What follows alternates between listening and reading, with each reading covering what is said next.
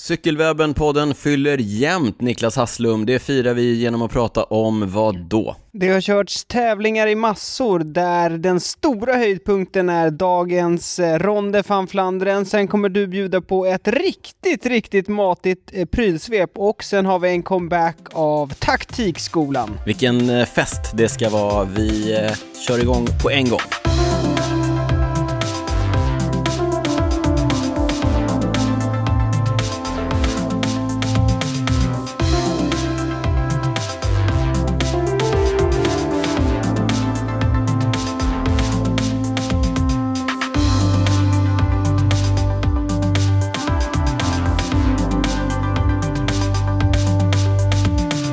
Varmt välkomna till avsnitt 90 av Cykelwebben-podden med mig Daniel Rytz och med eh, Niklas Hasslum. Du är på distans idag Niklas. Eh, ska vi, ska vi, vi ta det på en gång, varför är du på distans? ja precis, jag är hemma i min hemmagjorda studio. Jag får inte, ja. jag får inte vara i Cykelwebben-podden-studion. Nej men du har ju varit ute och haft du, har vistats, ja, det inte, det inte... du har vistats i samma lokal som någon som har testat positivt. Ja, jag, jag åt middag med, med, med en kusin i, i torsdags. Ja. Eh, och så fick jag ett sms idag där hon sa att hon har testat positivt för coviden. Jag började naturligtvis genast psykosomatiskt känna massor av symptom. Eh, således, eh, vi följer ju Cykelwebben-poddens eh, strikta coronaprotokoll och kör därför på distans. Så att om det låter lite annorlunda kära lyssnare så vet ni varför. Ja, det, det, vi blev ju, vi fick kasta om helt här och ändra, det var ju... Ja, vi har fått improvisera lite. Ja, men, men jag tror det ska gå bra ändå. Det känns som att vi ändå har ett bra manus framför oss. Eh, det är mycket att snacka om. Eh. ja, Sen, sen är det såklart, det är alltid tråkigt att inte kunna ses och, och ja. sådär, men, men det blir nog Men bra. hälsan, hälsan går före. Hälsan går före, vi får hoppas mm. som du säger, du har ju börjat känna lite symptom. Sen om det verkligen... Kittlar lite i halsen, Om det verkligen är symptom eller om det är bara du som ja, har hjärnspöken, det, det återstår väl att se. Men vi hoppas att du ska hålla dig frisk. Ja, vi håller tummarna. Hur, eh, okej, okay, så är läget med mig. Jag är lite, lik, lite inbillat eh, coronasjuk, eh, men ingenting bekräftat. Hur är det med dig Niklas? Jo men det är bra, jag har varit på, på landet här över påsken, eh, fått till lite cykel faktiskt. Jag hade ju hoppats på lite bättre väder, men det var ju ganska kallt faktiskt. Eh, ja, blå. Trots att vi har passerat första mars. Ja, jag första vet. Mars, första, första april. Första april. Och det Ja. och det är okej, okay, till och med med mig, att plocka fram räsen. Mm, ja. Så det har ändå tagit emot lite, för det är ju inte, det är inte många grader över nollan som det har varit här i Stockholmstrakten och sen när det blåser också, då blir det ju ännu kallare. Nej, kyligt. Ja, det är kyligt, det är kyligt, det är kyligt men det är ändå skönt, alltså det är skönt att ge sig ut på landsvägshojen, det måste man ändå, det måste man ändå säga. Alltså jag har ju ändå hunnit med, innan jag blev inbillat coronasjuk så hann jag ju ändå med två stycken fyra timmars pass på räsen nu i, i, i, veckan och jag får erkänna att det är, det är ändå rätt gött att komma ut på, på de smala däcken va, på de sopade vägarna. Ja, det är, alltså, och sen går, så går tävlingarna samtidigt som man liksom ser proffsen och sådär, alltså man känner sig som... Och du håller på att låtsas, vem, vem håller du på att låtsas att du är nu då? Nej, nej, jag har ingen nu faktiskt, jag har ingen nu. Men jag, jag körde, jo i och för sig, jag körde i mina eh, så här, legendariska attackintervaller, kommer du ihåg dem vi har snackat om ja. några gånger? Ja, absolut. Du går ut hårt och sen ja, 30, försöker du hålla 30 mm. sekunder hårt och sen försöker man hålla Liksom, sen går man ner lite i intensitet och försöker ligga kring tröskel i tre minuter och sen avslutar man med en eh, liten fartökning, en spurt på slutet i 10 sekunder, så de blir 3.40. Men då, då försöker jag vara Mathieu när man attackerar där. 30 sekunderna. Bara ställa ja. sig upp och bomba i någon liten backe. Du visualiserar. Va, har du vita brallor eller? nej, nej, inte vita brallor och framförallt inte vita benvärmare. Eh, nej. Nej, det, det, var svart, svart idag faktiskt. Eh, mm, mm, så mm. så där, där skiljer vi oss åt. På den lilla punkten, ja. där skiljer jag och det... Mattias oss åt. ja, det tycker vi är enbart eh, positivt. Hörni, eh, ni vet att när vi inte är ute och kör attackintervaller eller sitter i varsin litet, eh, varsitt litet studiohörn och poddar så vet ni att ni kan hitta oss på alla sociala kanaler. Där heter vi snabel cykelwebben. Kolla gärna in vår hemsida, webbplats, www.cykelwebben. vi har en hemsida! Hem, www.cykelwebben.se, där brukar Niklas lägga upp eh, eh, inlägg i samband med att vi lägger upp avsnitt där man kan hitta liksom bilder eller filmklipp eller länkar till sånt som vi, som vi pratar om. Va? Om man vill oss någonting så är det bara att skicka ett meddelande på valfri social plattform eller mejla oss på info.cykelwebben.se. Niklas, du finns på Instagram, heter Niklas Hasslum med C. Ja. Och jag, Daniel Rytz, finns på Instagram, heter D. Rytz där. Eh, Niklas, eh, berätta om det här med Patreon som vi använder oss av. Det är en frivillig prenumerationstjänst där du som lyssnar kan stötta podden ekonomiskt. Du stöttar med några kronor varje gång vi släpper ett ordinarie avsnitt. Eh, det som är så bra med det här är dels att du stöttar mig och Daniel, men du får också tillgång till våra bonusavsnitt som vi släpper ungefär eh, vartann, vartannat, varannan vecka också då, så att det blir ett per avsnitt ungefär? Ja, ett per avsnitt. Eh, så då får man... Så man får dubbelt, man får dubbel man får dos liksom. Cykelwebben-podden? Liksom. Man, får, ja. man får oss ungefär en gång i veckan. Eh, mm. och det... Vilken lyx ändå! Ja, verkligen, verkligen. Och i de här bonusavsnitten då, där gör vi lite mer, vi är lite mer personliga, vi gör lite liksom, eh, svävar iväg mer, vi gör lite djupdykningar. Eh, ha med lite Nu senast pratade vi om, eh, vi pratade upp Flandern eh, runt. Just det. Vi tippade, vi tippade lite, men det pratade vi tyst om. Eh. sa jag? Nej, jag, nej, jag sa inte fanflöjten, jag sa fanbreggen, just det. Nej, nu, nu spoilar du här, vi kommer komma in på, på Flandern ja. så småningom, men vi brukar ju skicka ett tack till de som har blivit patrons sen vi poddade senast. Ska vi göra det så även den här gången? Jajamensan, den traditionen kommer vi inte bryta, så ett stort tack till Dan Tomila, Carl-Johan Svensson, Axel Johansson och Emil. Och vill du också bli Patreon så gå in på patreon.com cykelwebbenpodden eller ladda ner appen Patreon och eh, sök efter Cykelwebben-podden där så kan du läsa allting om hur man signar upp för att bli Patreon. Jajamensan, Daniel, vad har hänt sen sist? Alltså det har hänt otroligt mycket sen sist och framförallt så har det ju raceats eh, väldigt, väldigt mycket i eh, Belgien som har lett upp till Flandern runt, det här stora crescendot, klimaxet av all racing i Belgien. Vi kommer till det, men först har vi lite nyheter från eh, damklungan. Först så eh, har våra vänner i Alpecin Fenix-stallet fått ett, eh, ska vi säga ett systerstall i Plantur Pura-stallet. Ja, alltså är, de, är det ett systerstall eller? Ja, men jag tror att det är samma, det är samma, det är ett brödrapar som ligger bakom Alpecin mm, Fenix-stallet. Ja, precis, precis. Ja, och det är samma, jag tror att det är samma killar som har dragit igång Plantur Pura, och sen är det också, det är lite roligt att Alpecin, det är ju ett eh, schampo va? Ja, koffeinschampo, jag har testat det. Mm. Du har det? Ja, det har jag faktiskt. ja. Grejen var när jag jobbade på Canyon så, så då körde ju Katusha-laget med dem också. Jag trodde Katusha... Ja, just det. Och då av någon anledning, jag vet inte om de... Skicka upp en låda. ja, nej men det skickades typ med i lådorna med cyklarna. Så vi, vi hade lite sådana här tester, och oklart om det funkar. Jag hade ju tagit, det var tur att de inte skickade mig, det var ett hån. Det var ett hån, ja. Ja, jag vet inte egentligen vad det där koffeinet skulle göra för håret, men skitsamma. Ja, eh, Alpecin är ju ett herrschampo, Plantur, det är ju ett damschampo, så att de hänger ju också ihop eh, på det sättet. Pura vet jag inte vad det är. Hur som helst, Plantur Pura-stallet, poängen är att eh, de har samlat ihop ett gäng duktiga cykelcross-tjejer med Ceylin del Carmen Alvarado i spetsen och bland annat Sanne Kant och Jara Kasterlein och samlat ihop dem till ett eh, damlag som ska köra landsväg. Ja, jag tror det, alltså det smidiga här är väl att de liksom Ja men, men, när man ser på det här laget, det som sticker ut, det är ju att de kör på olika hojar. De har olika märken. Sailin kör ju på sin Canyon-hoj. Ja, Sunny Kant hon kör väl Stevens-hojar tror jag. Ja men precis, konstruktionen är ju den att de inte behöver ha några andra sponsoråtaganden. För att om de skulle köra för ett vanligt landsvägsstall så hade de ju varit tvungna att ha andra liksom, cykelsponsorer.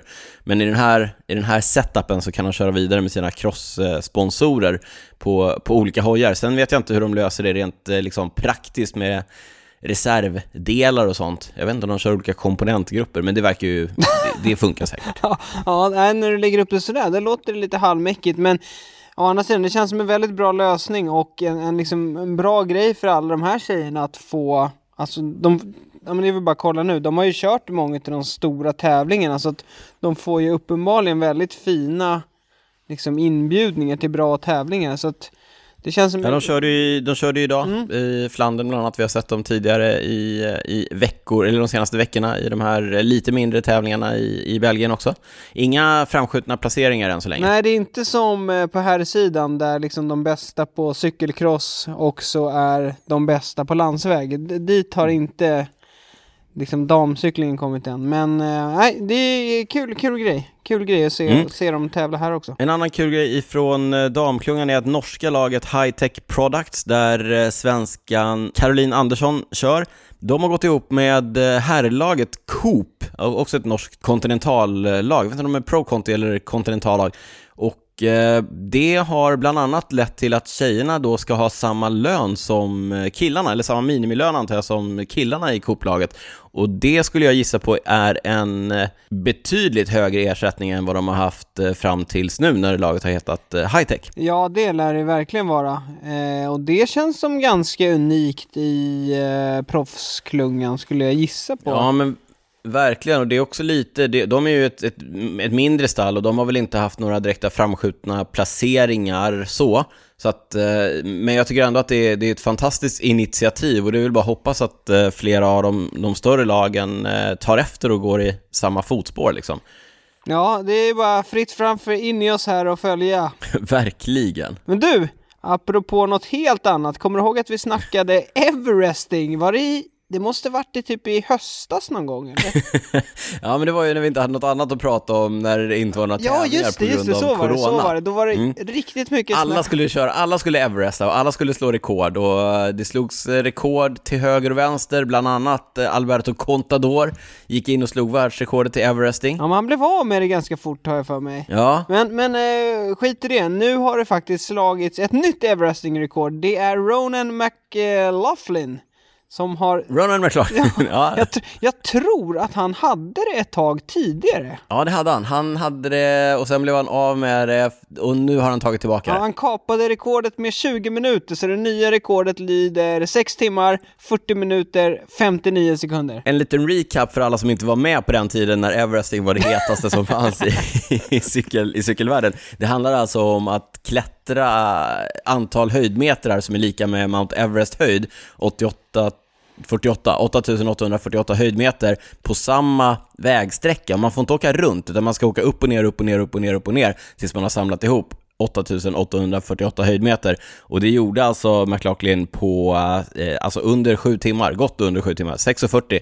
Det är, eh, det är rätt snabbt. Ja, eh, det, det absolut, det, det, eftersom det är ett eh, det är ett världsrekord. ett världsrekord. Så, så Men är det, det intressant? ah, det känns inte längre så hett va? Det känns som att den, vi har varit där. Det var ju liksom, som du sa, det var ju när coronan var, när det inte fanns några tävlingar. Då kändes det som att det var många som tog sig an det här. Men nu, personligen så, så eh, jag såg, såg rubriken men nej, nej. Du klickade inte ens på länken? Ah, knappt. Nej, det var jag, jag fick göra det för att skriva in det i manus. Ja, du, eh, vi hoppar vidare till eh, den riktiga cykelvärlden och eh, UCI-reglerade tävlingar, alltså tävlingar som lyder under det internationella, den internationella cykelunionen, de sätter ju reglerna. Och i och med att vi har passerat första april så är det inte bara okej okay att ta fram räsen. Det finns några saker som verkligen inte är okej okay längre. Bland annat eh, så får man inte göra den här supertucken, Nej, alltså sitta på överröret. Nej, det är förbjudet. Då, då får man, man blir väl utkastad till och med tror jag. Ja, men jag tror att det är lite oklar straffskala, men jag, det kan leda till diskning. Man får heller inte ligga i den här osynliga tempopinnepositionen, det vill säga Nej. lägga underarmarna på styret. Nej, nej det när det, När det inte är tempo. Nej. Eh, en annan sak man inte får göra är att man, eh, de har verkligen skärpt till de här reglerna när det handlar om att kasta skräp och flaskor ifrån eh, cykeln. Det får man bara göra i designerade skräpzoner, någonting som eh, den långa schweizaren i Agé Mikael Kär fick erfara idag på Flandern runt. Ja, det är ju en av Gregs trogna hjälpryttare. Han, han skulle ju slänga en flaska som det såg ut som att han, han faktiskt slängde den till några fans som stod vid sidan. Så det, det var liksom det kändes som att det var... Han siktade, han siktade liksom rakt på ett gäng fans ja, som stod i en kurva. Och det var inte att han kastade den, han, han liksom la ner nej, nej, nej. den till dem. Han, han slidade den till ja. dem och man såg liksom i, i tv-bilderna hur de böjde sig ner och skulle plocka upp den och sen två minuter senare så såg man hur en sån här kommissariemotorcykel eller jurymotorcykel glider upp bredvid Kär som också har haft jätteproblem med cykeln hela dagen.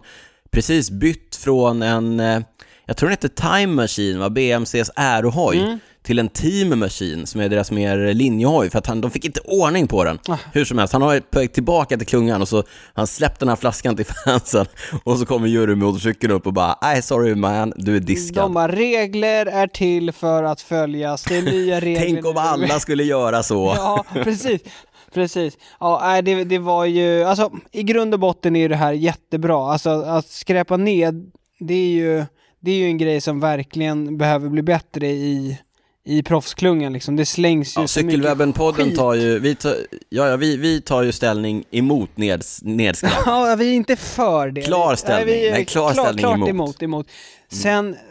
ja, det, det måste ju finnas någon slags liksom, man måste kunna böja lite på reglerna. Just här känns det ju, det var ju som sagt till ja, det fans, kändes... det är till fans, det är ju en fin Ja det kändes hårt, det kändes hårt. Jag såg någon, jag kommer inte ihåg, jag såg inte vem det var som uh, twittrade, det var någon av, uh, någon av åkarna som twittrade att han, uh, jag tycker synd om alla barn som inte kommer få de här flaskorna som jag släpper till, till publiken eller så, för att det, det, har de, det gör de ju, det ser man ju i klättringar och sådär, hur de droppar flaskor där det står fans och plockar upp flaskorna direkt liksom. Sen är det klart att man ska inte skicka ut grejer direkt på en åker där det inte finns någon eller de inte hittar flaskorna på en vecka, men ah, när det finns lite publik och man släpper flaskan till dem. Men som du säger, regler är regler. De är tydligen till för att följas. Ja, men förhoppningsvis får man väl hitta så här framöver att de hittar några slags liksom, ja, li lite kan situationsanpassa bestraffningen och även att liksom att reglerna, att det inte är svart eller vitt. För just som du säger, när de ger till fans, framförallt kanske lite yngre fans som du säger. Det är ofta man ser det i backar, liksom i grupp 1 de ger iväg lite flaskor och så. Det är ju ett minne för livet för vissa av de här fansen. Så att, äh, där hoppas man verkligen att UCI kanske kan vara lite flexibla. Men eh, jag vet inte hur stor, hur stor chansen är att det faktiskt blir så. Men vi kan ju hoppas. Ja, vi hoppas. Eh, ska vi kasta oss vidare in i de här tävlingarna som har eh, kört? Då tänkte jag så här, eh, Niklas, vi börjar med att prata om lite tävlingar som har körts i Spanien. Vi bränner av det. Mm. Sen så gräver vi oss djupare in i den belgiska racingen som vi har följt de senaste veckorna. Vad säger du om det? Det låter som en superbra idé. Vi börjar i Katalonien runt. Ja, veckolångt etapplopp. Mm, körs inte helt oväntat i Katalonien. Katalonien. i Spanien, i Barcelona, ja. i, eh, kring Barcelona. Där blev det faktiskt ett, eh, ett, ett eh, hela podiet bestod av Ineos-cyklister. Det var Adam Yates för eh, Geraint Thomas och Richie Port. Ja, Port 2 och Thomas ja, 3 Ja, precis, exakt. Otroligt imponerande insats av eh, Ineos. Ja, det, det kändes som att eh, det brittiska laget vill sätta ner foten, visa att ah, det snackas mycket om jumbo-visma, det snackas mycket om att vi kanske håller på att tappa det i, i de stora etapploppen.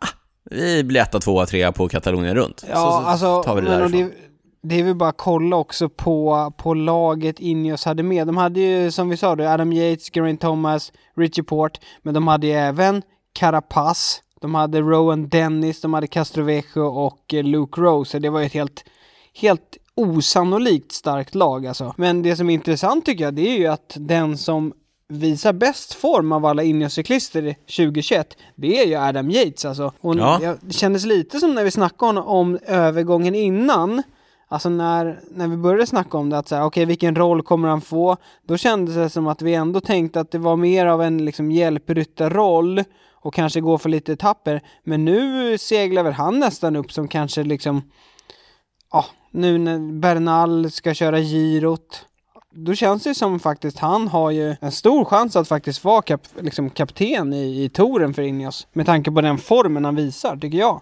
Eller vad tänker du? Ja, nej, men det är som du säger, ja, det, den stora frågan blir ju vem skickar Ineos vart på de stora etapploppen och vilken roll får de? Rent alltså jag tänker ju att eh, man kanske hoppas på att Geraint Thomas ska vara tillräckligt bra i juli för att utmana för en andra Tour de France-seger, men eh, som du säger, om Yates fortsätter leverera på det här sättet så uh, då blir det nog fight om den ledar, om den lag, vad säger, lagkaptens uh, armbinden. Ja, och sen en intressant grej. Det var en fotbollsreferens. Ja, jag, jag missade ja. inte den, absolut inte. ja. Men en intressant grej är ju att, att eh, Adam Yates också har kört väldigt bra på Ja men som nu i Katalonien runt, då var han ju sjua på, på det individuella tempot, vilket är en jättebra liksom, placering för honom för, för att vara tempo. Så att det gör ju också att han, ja, han var ju före Geraint Thomas till exempel, som, som brukar vara en väldigt duktig tempocyklist. Så att, äh, det, ska bli, det ska bli spännande att se liksom hur, just som du säger, vilka kommer köra vilka tävlingar,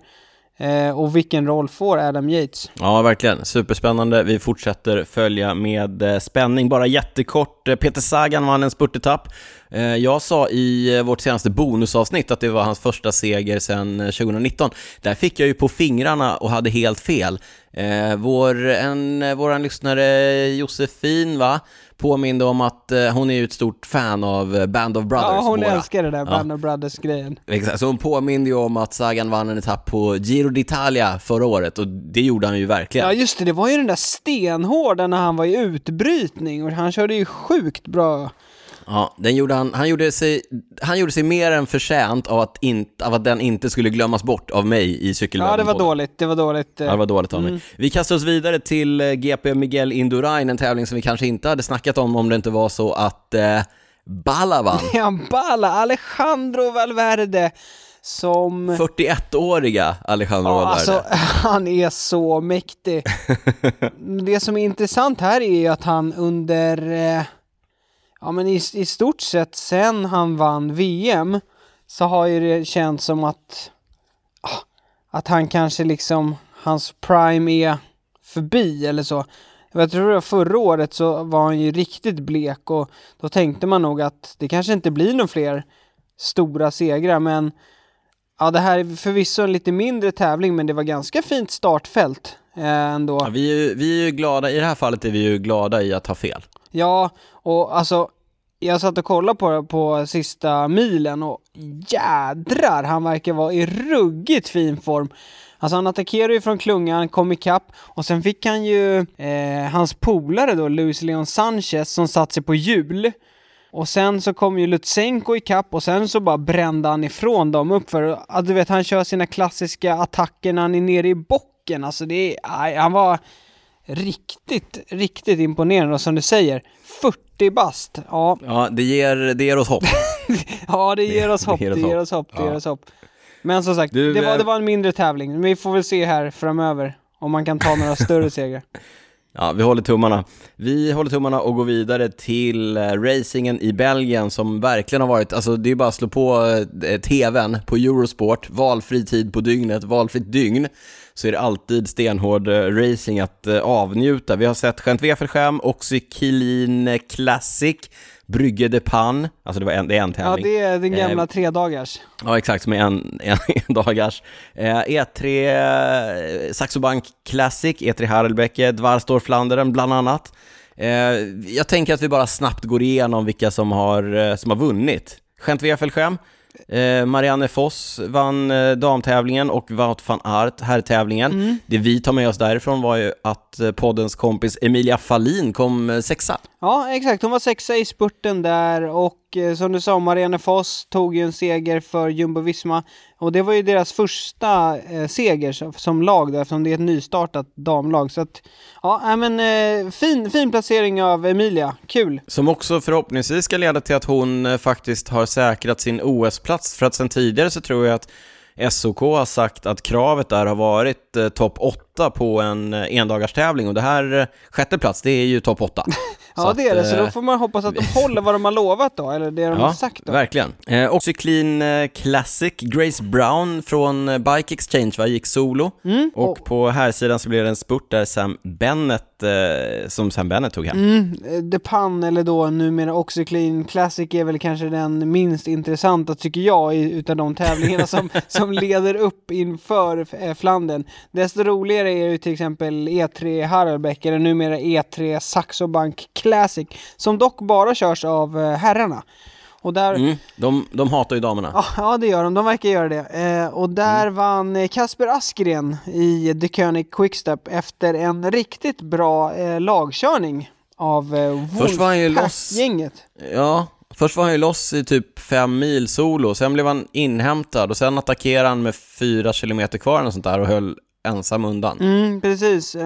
Ganska stark eh, den, den unge dansken, kanske en, en, en liten glimt av vad som komma skulle. Ja, eh, men han, sen drog ju också lite, vad ska man säga, att han hade lite, när han attackerade där på slutet, då hade han ju, det satt väl med någon till, eh, De König cyklister i gruppen så att det var väl egentligen ingen av de andra som, som ville jaga så att men ja, som du sa, han var ju en lång, lång utbrytning innan så att ja, formen är ju god och det, jag tänker att vi återkommer här till om en liten stund. Ja, vi är på väg, på sam, precis på samma sätt som de här tävlingarna i verkligheten leder upp till eh, det här crescendot som är Flandern. Så även här i podden va? Mm, det börjar närma sig, men först ska vi snacka lite Dvarsdor Flandern och apropå långa solutbrytningar Berätta äntligen om får vi se, van ja, Äntligen får vi se en, en stor seger ifrån Ineos på en endagars-tävling igen. Eh, ja, men Dylan van Barle gick loss med nästan sex mil kvar va? Ja. Och hade, han hade typ aldrig, han var aldrig ens uppe i en minut före klungan. Nej, det var ju sjukt och det kändes inte som att liksom den attacken, det var mer att han bara satt i spets och liksom höjde, höjde tempot och ja, han körde liksom, han bara gneta på. Och alltså jädrar vad snygg han är på cykeln. Alltså han sitter ju helt still och bara Ja, äh, det, det var riktigt imponerande. Det var det, det, var det verkligen. Eh, på damsidan så kom en till sån här glimt av vad som komma skulle eventuellt. Annemiek van Vleuten kom loss med Kaja Nevadoma och Eh, van Vleuten var starkast i spurten. Där eh, såg vi också Hanna Nilsson i Lotto Sodal spurta in på en eh, tolfte plats. Riktigt bra placering av Hanna. Ja, vad hade hänt om hon hade varit topp 8 då? Ja, bra fråga. Då hade de fått lite att fundera på på SOK, ja. SOKs huvudkontor. Ja, nej, Annemiek van Vleuten som inte alls har visat liksom någon stor form i, under det här, liksom under våren, eh, visade lite form här och vi sa ju det i vårt bonusavsnitt att hon är ju lurig, hon kan ju liksom hon kan ju dyka upp i superbra form plötsligt. Och det, det var ju exakt det hon gjorde här. Och nu tänker jag att nu kommer vi in här på Ronde van Flandern. Och vi kan ju börja med dam, dam eh, racet, apropå Annemiek van Vleuten. Ja, men vi pratade ju om Annemiek van Vleuten som, eh, som du sa, lite lurig och dyker upp med superform eh, när man minst eh, anar det. Det var ju precis det hon gjorde eh, och fick med sig formen från eh, Dvarstorp-Flandern in i Flandern runt. Det var ju, tävlingen såg ut som den brukar göra. Det är ju, fältet tunnas ut allt eftersom tävlingen eh, fortgår och man kör över de här kullerstensbackarna som ju är det som karaktäriserar Flandern runt. Och tätklungan, det var, det var ingen stor utbrytning eller så på, på damsidan utan det var ju helt enkelt så att klungan blev mindre och mindre. Och när man kom fram till eh, Paterberg som är den sista stigningen så eh, attackerade van Vleuten och eh, gick solo därifrån hela vägen hem till Odenarde. Det är 13 kilometer. Mm, precis. Hon gjorde väl ett, en attack tidigare. Då kom hon väl inte riktigt loss. Hon sparade liksom sparade den riktiga attacken till, till Patterberg och det var ju så här, alltså jag tror hon hade åtta sekunder på toppen där så det var ju inte en superstor lucka och i gruppen bakom så var de väl ändå jag kommer inte ihåg exakt hur många det var, men det var väl 6-7... Det var 10-11 stycken tror jag. Ja, var det så många tror jag? Ja, var de så? Ja. ja, men det såg ut att vara en... Men de fick ju aldrig ihop något riktigt samarbete i gruppen bakom och van Vleuten är ju grymt åkstark så att hon, eh, ja men hon höll undan helt enkelt. Ja, hon, det var ju hennes andra eh seger på Flandern. Hon vann ju 2011, så det var tio år sedan. Tioårsjubileum. Tio, år, tio års jubileum, ja men det är hyfsat imponerande av eh, att vara så bra så länge. Men hon börjar bli gammal, hon är väl 38 i år tror jag, ja, van Vleuten. det är hon. Eh, och en intressant grej är att Movistar vinner Ronde van Flandern. Vem hade tänkt ja, det? Ja, jag hade inte tänkt på det. ja. ja. på andra plats eh, tyskan Lisa Brennauer och Eh, tredje plats eh, Grace Brown. Och på, ska vi gå över till herrracet? Yes, eh, vi sa ju, vi har ju redan, ni, har, ni vet redan det här. Kasper Askren, dansken, lyckades slå det som ingen trodde.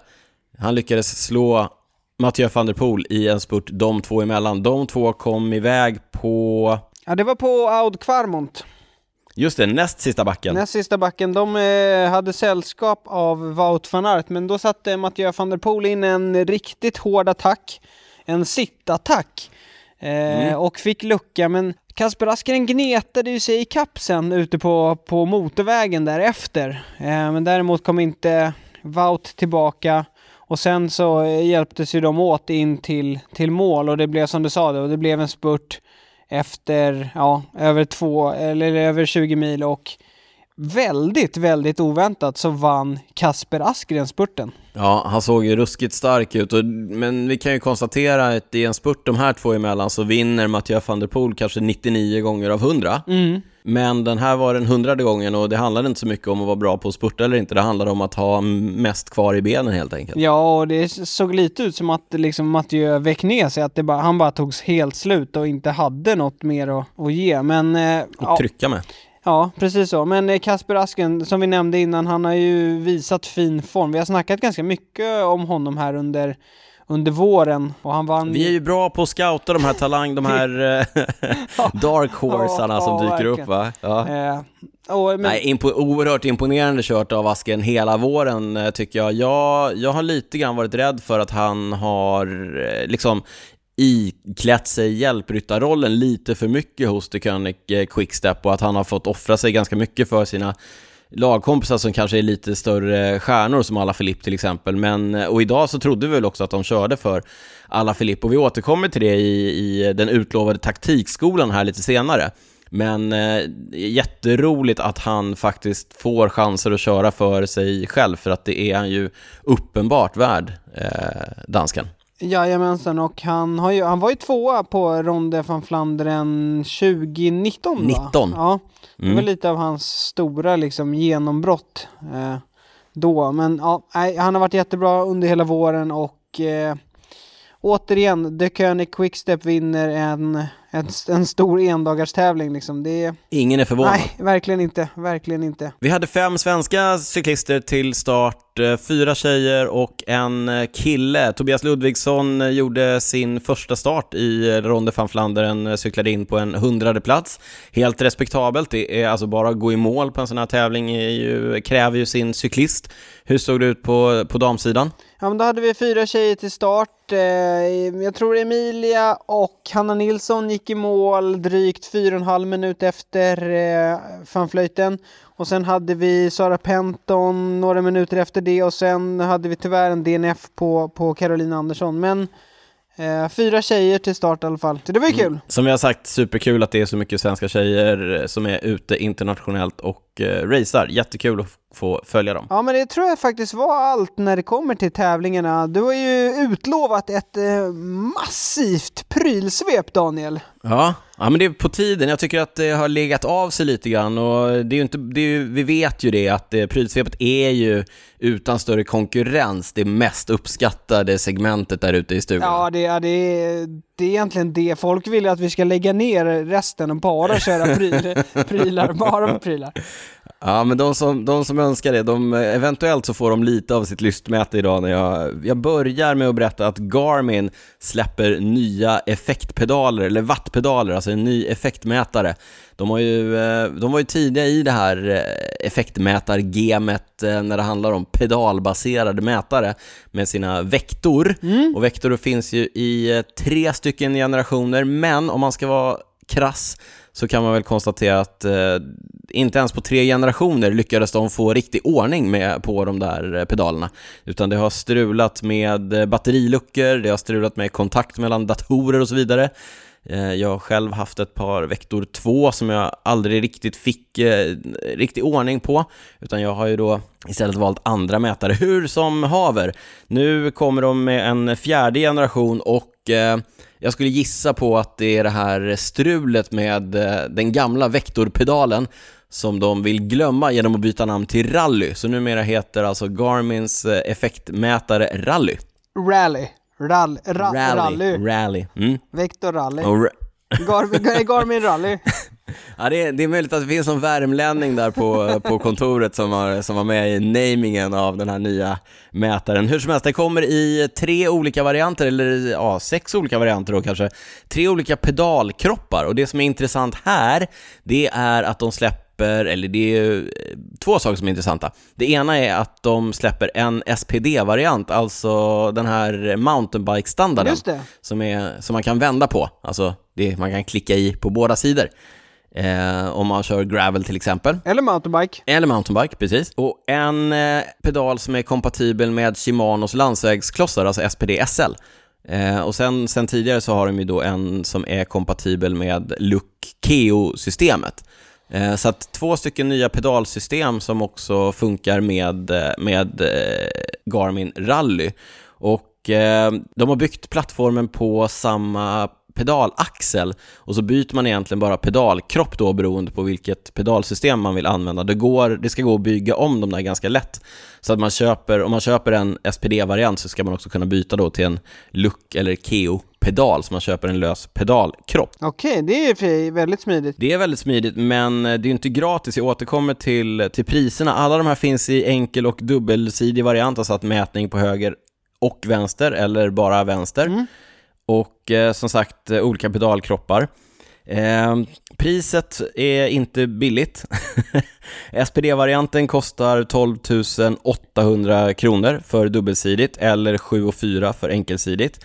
Medan eh, SPD-SL och Look-varianten kostar 11 999, alltså 12 000 för den dubbelsidiga och 7100 för den enkelsidiga. Ja. Det är ganska dyrt. Jag tycker att det är lite, det är lite i överkant prismässigt jämfört med eh, likvärdiga produkter på, på marknaden. Och det som jag sa var, alltså det är en jättebra idé med att man ska kunna byta pedalkropp om man vill köra ja, precis, typ landsväg och ja. mountainbike. Det är bara det att nya pedalkroppar, alltså om du ska byta från den ena till den andra så kostar en eh, SPD, SPD SL eller Keo en sån pedalkropp kostar 2200 kronor och en SPD-kropp kostar 2800 kronor. Oj. Ja, det är betydligt dyrare än typ en värstingpedal. Ja, det är det verkligen. En hel ja. värstingpedal. Ja, det är det. Mm. Ja. ja. Så eh, prismässigt eh, lite sådär, eh, fortfarande lite osäker då, driftsäkerhet, de har haft problem med det tidigare, men vi hoppas på att kunna svara på de frågorna ganska snart därför att vi har ett par eh, pedaler på väg till oss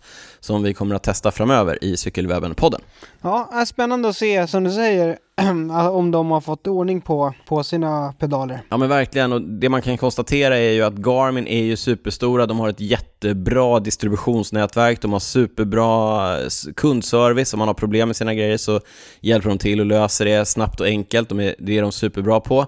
Och eh, jag tror att därför har ju de också fått väldigt bra spridning på sina pedaler. Och det ska man väl också säga att det här strulet med vektorpedalerna som har blivit ganska omtalat, ja men det är för att de har så fruktansvärt många pedaler ute på marknaden. Så att det är klart att om man har så många så kanske det är fler som strular och man hör mer om strulet än om de som funkar. Ja men absolut, och, men som du sa också, du pratade om distributionsnätet och det undgick väl inte någon när de lanserade de här pedalerna. De syntes ju verkligen överallt. De syntes överallt ja. kan vi konstatera. ja. Eh, någonting som inte syns, yes vilken övergång. det är sånt som är inuti däcken va? Luft! Luft, ibland luft, eh, ja absolut. Men ibland inte bara luft. Eh, Vittoria, däckmärket, det italienska däcksmärket, har i dagarna lanserat en eh, produkt som heter Airliners den har de haft sedan tidigare för, eh, för mountainbike. Nu finns den också för landsväg och det är en sån här eh, skum-insert som man har inuti däcken eller mellan däck och fälg när man kör tubeless. Ja, men då återigen, var, var, varför ska man ha en sån här insert? Ja, men det är lite olika. Jag har ju kört eh, det på mina gravel-däck hela vintern med stor framgång, gillar det. Med ett, av ett annat märke, Cashcore heter de. Men då på gravel och på, på mountainbike, då har man ju det för att liksom förhindra genomslag så att man ska skydda fälgen om man kör med lågt eh, lufttryck. Just det, just och för att, eh, för att ge däcken lite mer stadga också när man kör med lågt lufttryck. Det är ju inte riktigt samma anledning som man kör med det på, på landsväg. Och det är heller inte av den anledningen som Vittoria har lanserat det här. Nej. Utan, nej, utan här så kör man det därför att om du får punktering på dina tubeless däck så ska det här se till att ett, du ska kunna köra vidare på dem även om inte punkteringen tätas av punkteringsvätskan. Så att den blir liksom som, som en, eh, ja men, en ja men det blir som ett helgjutet däck. Mm. Fast med den här skumkorven då som blir det, det helgjutna. Och nummer två, så ska det se till att däcket inte åker av fälgen om du skulle få punktering. Ja, det är ju för sig väldigt skönt. Ja men verkligen, och det här är ju superviktigt för proffsen och det har vi ju sett nu att proffsen har börjat köra med kanttrådsdäck i en helt annan utsträckning än vad de gjort tidigare. Idag till exempel vann Kasper Askren Flandern runt på kanttrådsdäck. Jajamensan. Första monumentet någonsin, hävdar, hävdar man från Specialized som eh, är däck och hjulsponsorn. Men då menar du också att den här skuminserten ska vara så hård att om man får punka och det inte tätar, då är liksom själva skumgummit där inne är så hårt att man kan cykla på det. Ja, men precis. Det är ju, det, det ska ge, jag vet inte, jag har hört siffror på att det ska ge typ en, mellan en och två bar motsvarande i, i, i lufttryck. Mm. Eh, Cannondale-stallet har redan eh, kört med den här, alltså EF eh, Education First. De har kört med den här, testat den länge. Jag vet att det pratades om det under förra årets eh, Tour de France bland annat, men då var det lite hemligt fortfarande. Jag vet att eh, Alexander Kristoff har kört det här. Vi har ju skojat mycket om hans eh, äventyr med tubeless eh, däck. Ja just det, han har varit en liten lite... pionjär, pionjär där och te ja. vågat testat och sådär med, med varierande vann... framgång kommer jag ändå säga. Ja men han vann ändå Gent Wefelgem 2019 eh, på tubeless däck och då hade han enligt utsagor en sån här airliner i dem. Okej. Okay. Eh, problemet med, med den här, det, alltså okej okay, lite fakta, den finns i tre storlekar för att täcka 25 mm däck, 28 eller 30 mm däck. Det väger 25 till 40 gram per hjul och eh, de här korvarna ska kosta ungefär 35 euro per styck, alltså per, per hjul.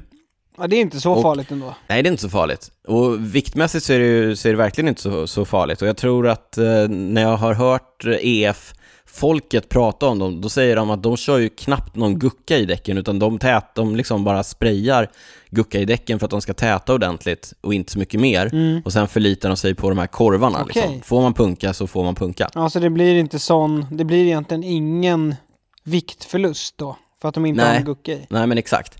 Men det jag tycker ser lite mäckigt ut är att dels så ser de rätt krångliga ut att få på, men det verkar överkomligt. Men de är helt omöjliga att få av utan specialverktyg. Man, man får köpa till en sån här plasttång för att få av dem, vilket betyder att om du får punka på när du är ute och tränar och däcket inte tätar, då, då är du egentligen, eh, då kan du bara ta dig hem genom att cykla på den här skumkorven. Ja. Och då, får du alltså in, då kan du inte pumpa upp däcket och få ett, ett hyggligt däckstryck igen, utan då får du liksom förlita dig på att det går att cykla hyfsat hem på den där korven. Och det, jag tycker inte att det är, eh, jag tycker inte det är så bra helt enkelt. Nej, men, men om man har med sig den här eh, tången då?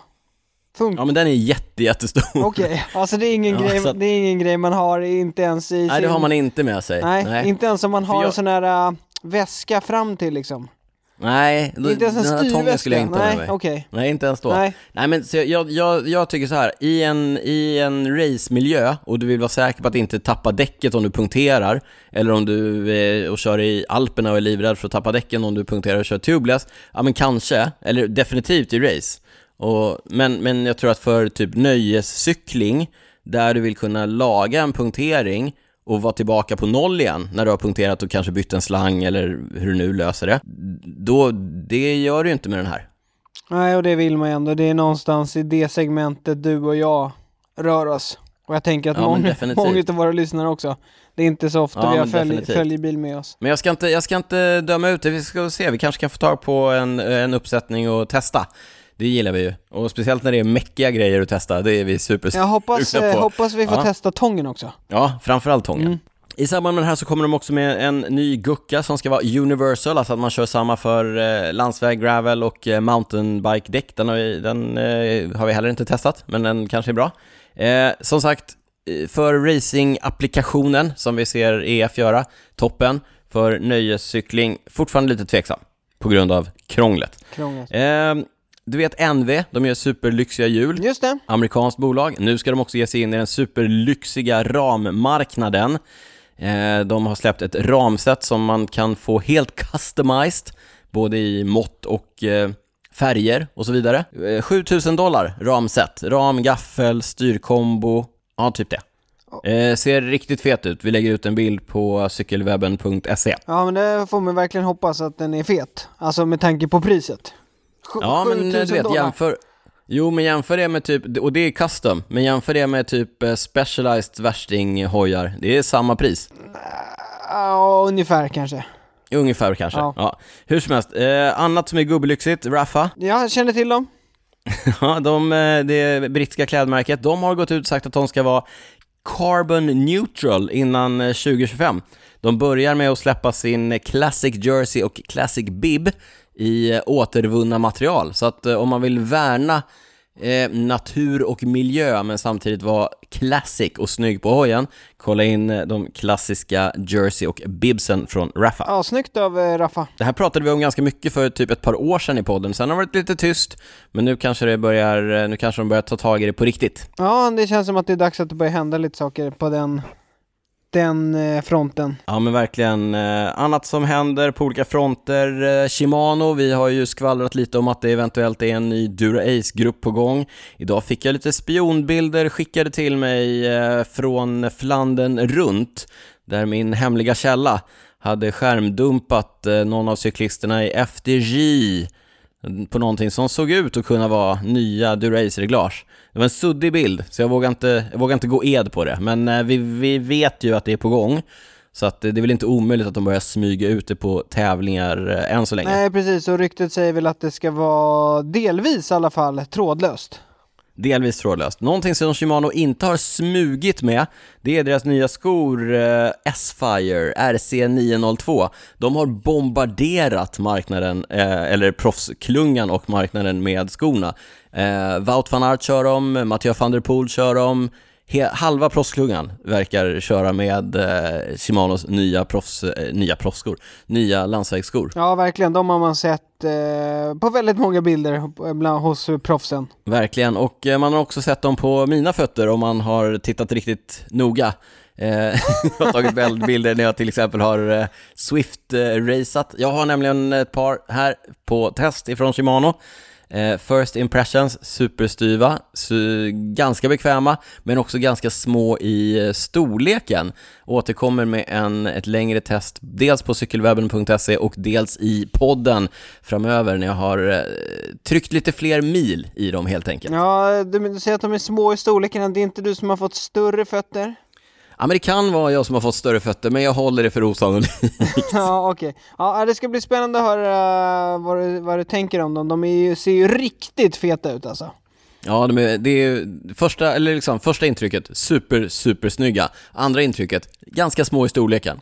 Och sen, sen, sen tar vi det därifrån. Okej, ja, spännande. Ja. Fortsättning följer. Fortsättning följer eh, Shimanos eh, stora konkurrent eh, SRAM, det är ett amerikanska bolag. Jag trodde du skulle säga Campagnolo. Man kan hoppas. Återkommer till Campagnolo lite senare Niklas, ja. vi får se vad det blir. Eh, SRAM har släppt en nyhet på mountainbikesidan, de har släppt en billigare version av sin elektroniska växelgrupp Access nu på GX Eagle-nivå, alltså nivå 3 i SRAMs lineup. Det är en 1 gånger 12 setup och det är en bakväxel som klarar av en kassett, eh, alltså en riktigt stor, 1052. Ja, de kör feta bak, eh, eller kassetter alltså, SRAM. Ja, riktigt feta kassetter och det här kan ju vara intressant, eh, dels då om man kör mountainbike men också om man gillar att köra typ gravel mm. med en ordentligt fet kassett för att den här går ju att para ihop med eh, SRAMs landsvägsgrupper också. Kul att, eh, ja men som du säger, de här, att det blir lite att el... Mer överkomligt. El, ja, men elen kommer ner på de lite mer grupperna som är för oss med lite, lite tunnare plånböcker. Ja, exakt, därför att eh, vem har inte råd att köpa en bakväxel för 370 dollar, det vill säga nästan 4 000 kronor. Gissa att den kostar typ 4 5 i Sverige. Ja, ja. ja det är fortfarande Okej, ganska... men jämfört... Ganska saftigt. Ganska men, mycket ja, pengar. Vad, vad kostar XX1 då? Nej, den kostar 700 dollar, så att, eh, det är fortfarande eh, typ halva priset, men eh, nej, det är sjuka pengar. Eh, en annan nyhet från SRAM, vi har ju pratat om det tidigare, jag har pratat om det tidigare för att det är en av mina sådana här käpphästar. Jag är ju inte överförtjust i den här utväxlingen som SRAM har på sina accessgrupper. Det här att de eh, går på en mindre framklinga och också en mindre alltså mindre ja. kassett. Ja, kass alltså minsta. minsta, minsta bak har de ju, som, du, som vi nämnde här, 10 har det ju varit. Ja men precis, 10 mot Shimano som har 11 och, och Shimano och Campagnolo har ju 11 som, som minsta med eh, lite större klingor fram. I teorin så ger ju det, det ger ju samma utväxling. Eh, men också i teorin så ger det också mer friktion och större steg mellan växlarna på, när man kör enligt SRAM. Så att då har vi ju också skvallrat lite grann om att några av proffslagen som kör med SRAM har eh, kört med större klingor, alltså klingor som inte går att få tag på för oss konsumenter och faktiskt till och med ibland spärrat bakväxlarna så att de inte kommer ner på den här tian. Ja just det, jag tror vi snackade om att Richie Port gjorde det någon gång va? När han var och ja, körde men precis. Trek. Så att de är sponsrade av eh, SRAM, men kör med mer traditionell utväxling ändå. Och det har ju lett till att, eh, ja men du vet, man, man får nys om det där på internet till exempel. Och så har konsumenterna, för att så fort de postar någonting på Instagram till exempel, eh, SRAM om, om de här eh, växelgrupperna så är det alltid någon i kommentarerna som frågar “Men när ska vi få köpa de större klingorna?” Svaret är nu. Nu? Nu har SRAM nämligen släppt större klingor till sina accessgrupper även till oss konsumenter.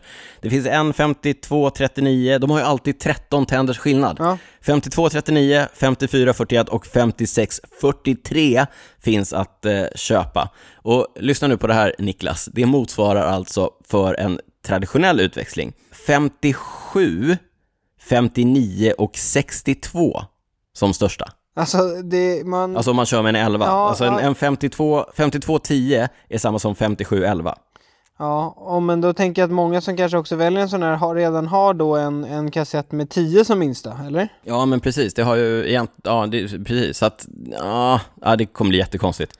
Ja, hur som helst, det är väl, det är väl bra, men då i princip så kommer du bara kunna nyttja 11 av dina 12 växlar ändå. För att den där 5711 eller 6211, det är inte många som drar runt en sån växel kan jag säga. Nej, då ska du gå på riktigt tunga växlar.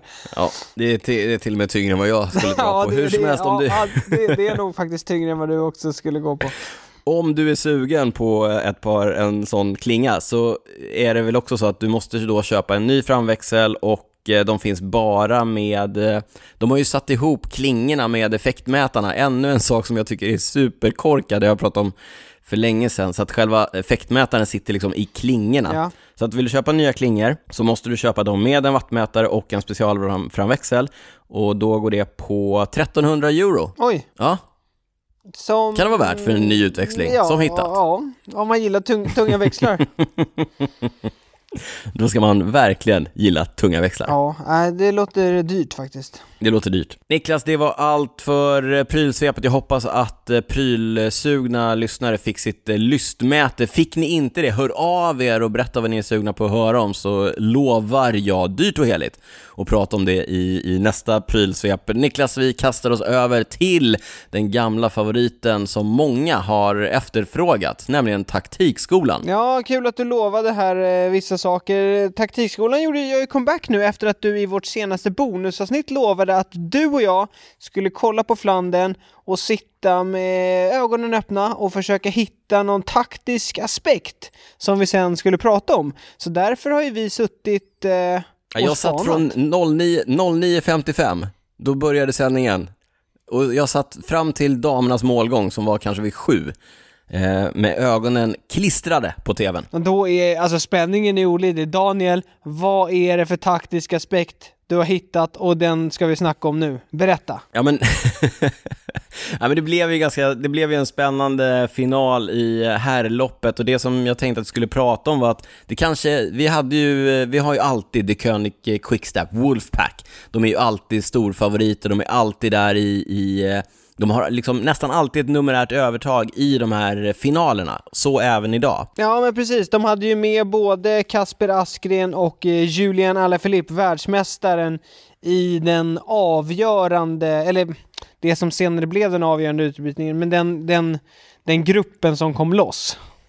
Ja men exakt, och de flesta andra i den gruppen hade ju inga lagkompisar eh, med sig. Men det som, det som var intressant och som hände var ju att Askren attackerade och med sig så fick han ju de två storfavoriterna Wout van Aert och Mathieu van der Poel. Och som vi pratade om innan, i 99 spurter av 100 så får Kasper Askren stryk av de här två i en spurt och blir alltså förpassad då till tredjeplatsen om han inte lyckas skaka av sig dem innan man kommer till mål.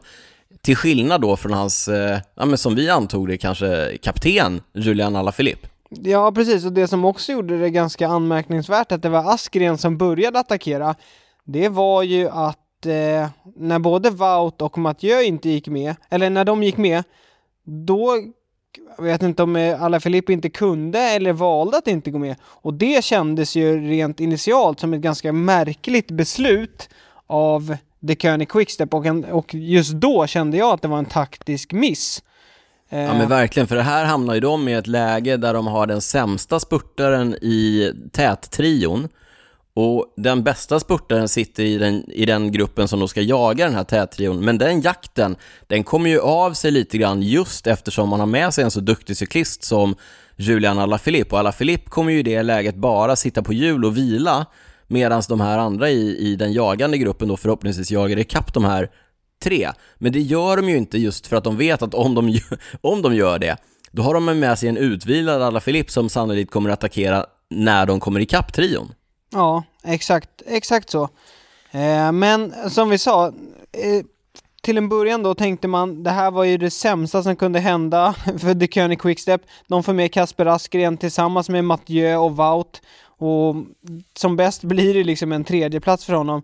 Men eh, det visade sig sen faktiskt att han hade ganska bra ben, vilket också gjorde att den här liksom, den taktiska manövern som, som vi nu snackar om, som vi spontant kände att det var nog en miss, det visade sig vara ett genidrag sen. Ja men verkligen, taktik i all ära och teori i all ära, för att vi kan sitta och så har vi lite teori här i taktikskolan, nämligen att eh, Askren attackerar och i det läget ska han ju bara sätta sig på hjul på Mathieu och, och Wout och bara sitta med och eventuellt kunna överraska dem med en attack på slutet.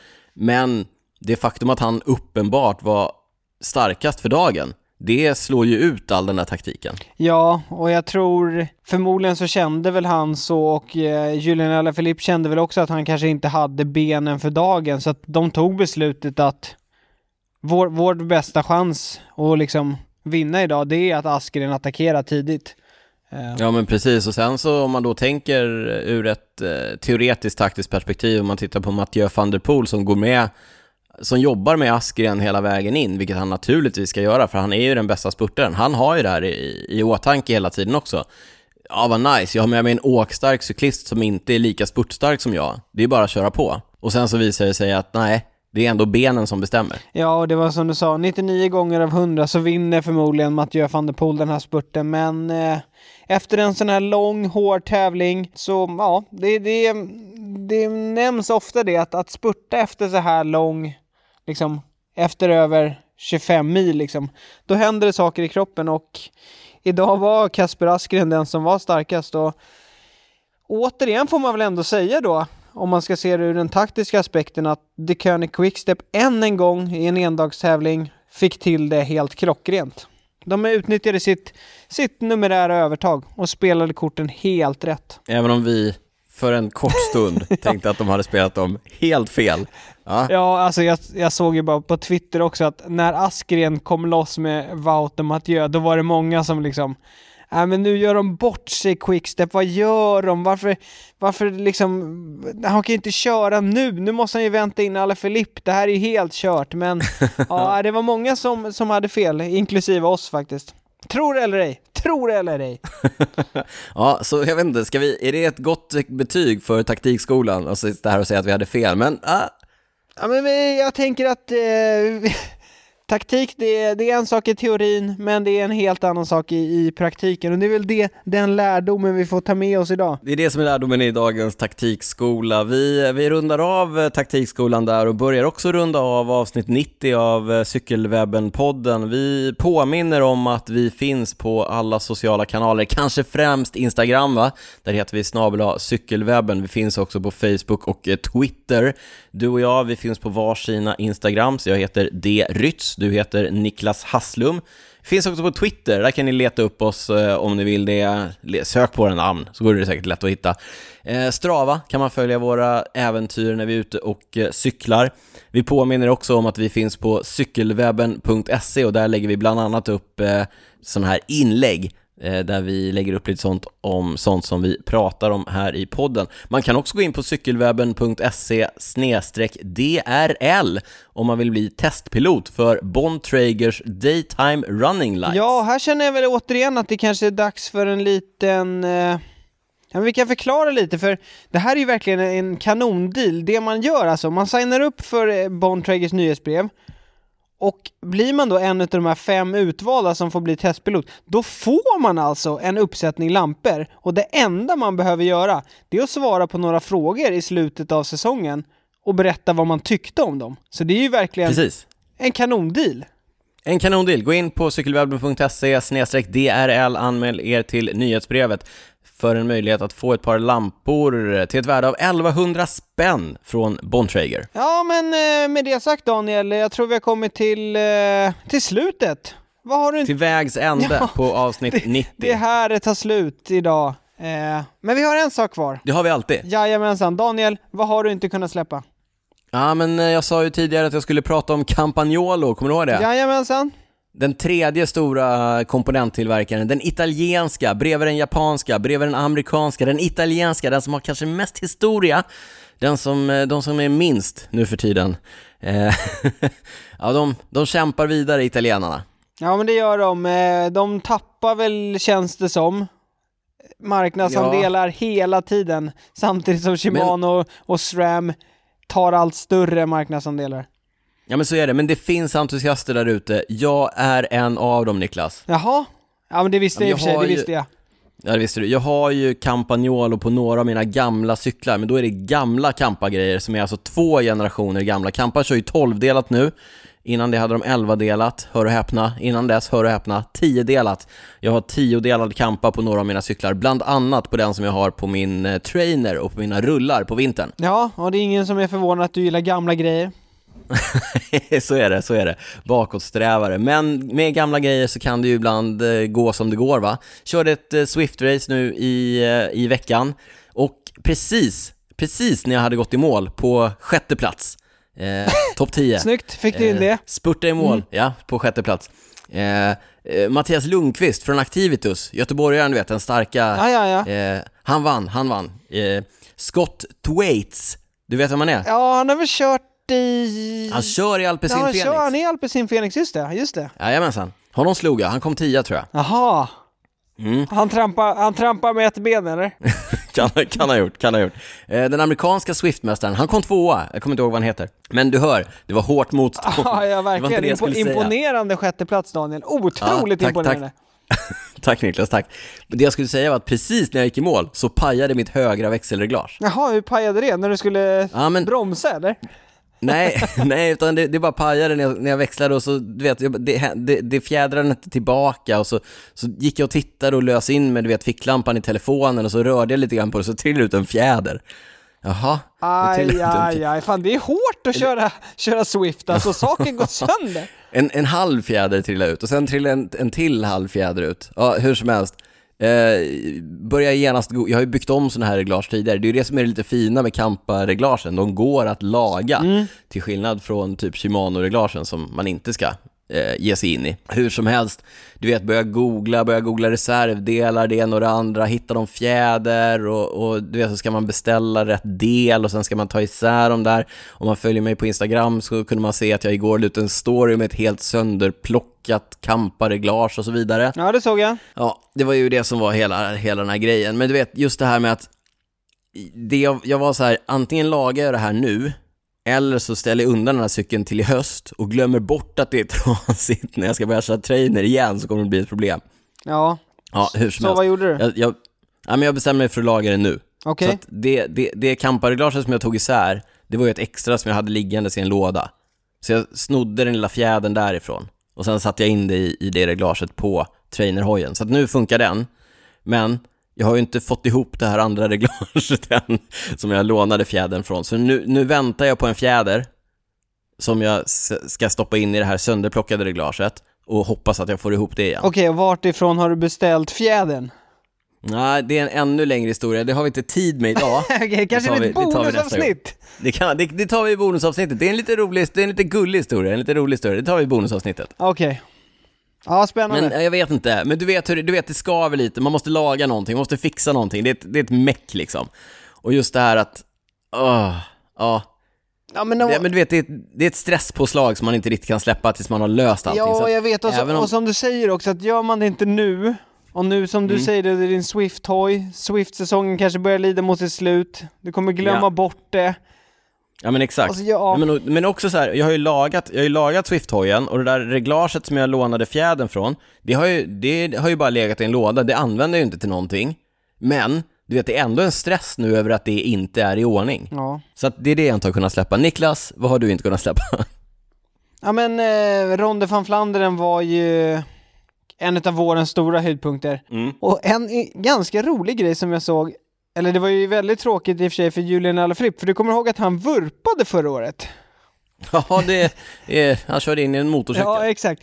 Men, och sen då, den, den grejen jag inte riktigt kunnat släppa nu var att i år mm. så såg jag under dagens tävling så var det en person som stod, det var en typ, jag såg också det var typ en skylt. gubbe i jag skulle tippa på 65-årsåldern, ja. som stod med en liksom hemmagjord skylt som han höll ja. ovanför huvudet där det stod typ Ja men var uppmärksam här Julian. Julian, faites attention ici stod det. Ja, ja, äh, Julian, se upp här. Ja, se upp här. Och jag, jag kan riktigt, inte riktigt släppa liksom, undra vad han hade för, liksom hans tankar kring att göra den där, gå ut och ställa sig, liksom om han var ironisk eller om han liksom försökte vara lite schysst mot Julian Filip, om han försökte håna honom. jag, jag, får liksom inte riktigt ihop det. Och sen just att han, ja men han, han kändes kanske, ja han, 65 bast, lite ölkagge. Ja, jag, jag får inte riktigt ihop det, ja, varför han stod med den skylten. Men Ja, det var ganska kul, men det, ja, det, det, liksom, det lämnar ganska många frågor öppna känns det som. Du menar så att du inte har kunnat släppa det? Ja, jag kommer fundera på det där några dagar till tror jag. Ja. Förhoppningsvis så, jag brukar ju läsa lite sån här eh, belgisk eh, cykelmedia. Ja, det är någon som letar upp honom. Ja, men så förhoppningsvis så kanske det kommer någon artikel här i de närmaste dagarna där jag får lite, lite mer klarhet. Vem var han? Varför gjorde han som han gjorde? ja, vi håller tummarna. Ja, alltså det har jag inte riktigt kunnat släppa, men eh, ja, vi får eh, vi får se, det kanske kommer ett svar här framöver. Ja, vi håller tummarna för det. Om det kommer ett svar så lovar vi att förmedla det antingen i nästa ordinarie avsnitt eller kanske i ett av bonusavsnitten som vi släpper exklusivt för våra patrons i Patreon-appen eller på patreon.com cykelwebbenpodden. Gå in där om ni vill stötta mig och Niklas. Gå in i er poddapp och ge oss ett betyg eller kanske till och med skriv en recension. Det var länge sedan vi tipsade om att ni kunde göra, men, eh, men varför inte? Vi vill ju nå ut med den här podden till så många som möjligt. Niklas, eh, stort tack för idag. Tack för flexibiliteten. Håll tummarna för att det inte är coronan som eh, kommer, och, som kommer efter mig utan att eh, vi klarar oss undan sjukdomar eh, även framöver. Ja men verkligen Daniel, vi får hoppas att det är bara hjärnspöken som spökar för dig och att du inte har dragit på dig något, för det vore kul att spela in ett bonusavsnitt tillsammans live här snart i veckan. ja, live, live, det är det jag är ute efter. Ja. Och så kanske vi kan eh, få till lite träning också. Ja, det, ja verkligen. Jag tittar ner i, i, min eh, kaffekopp här och eh, ser min framtid. Det är ett eh, coronatest på måndag eller tisdag. Men tills dess, kära vänner, så säger vi som vi alltid gör när vi avslutar de här avsnitten. Ciao, ciao! Ciao, ciao!